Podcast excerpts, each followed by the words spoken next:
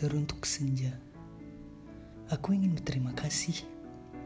Karenanya, aku bisa mengenalmu. Dan karenanya pula, kamu bisa mengenalku. Kita duduk di bawah satu atap yang sama. Kita duduk di satu meja yang sama. Dan menghadap ke satu arah yang sama. Di saat yang lain sibuk akan dunia yang masing-masing, aku malah sibuk memasuki paksa duniamu tanpa memiliki izin dari si pemilik. Dan bodohnya aku saat itu. Aku hanya mengagumimu secara diam-diam, tanpa ketahuan. Aku tak berani menghampirimu lalu berkenalan.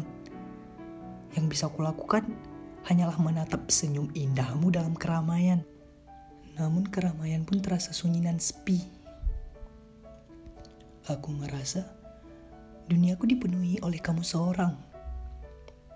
Seketika, aku tersenyum tipis saat aku melihat sapaan indahmu di senja yang kemarin. Kali ini aku bahagia. Karena senja kali ini benar-benar menyenangkan. Berkatnya, aku dan kamu menjadi dua insan yang ingin merasakan rasanya memiliki dan dimiliki.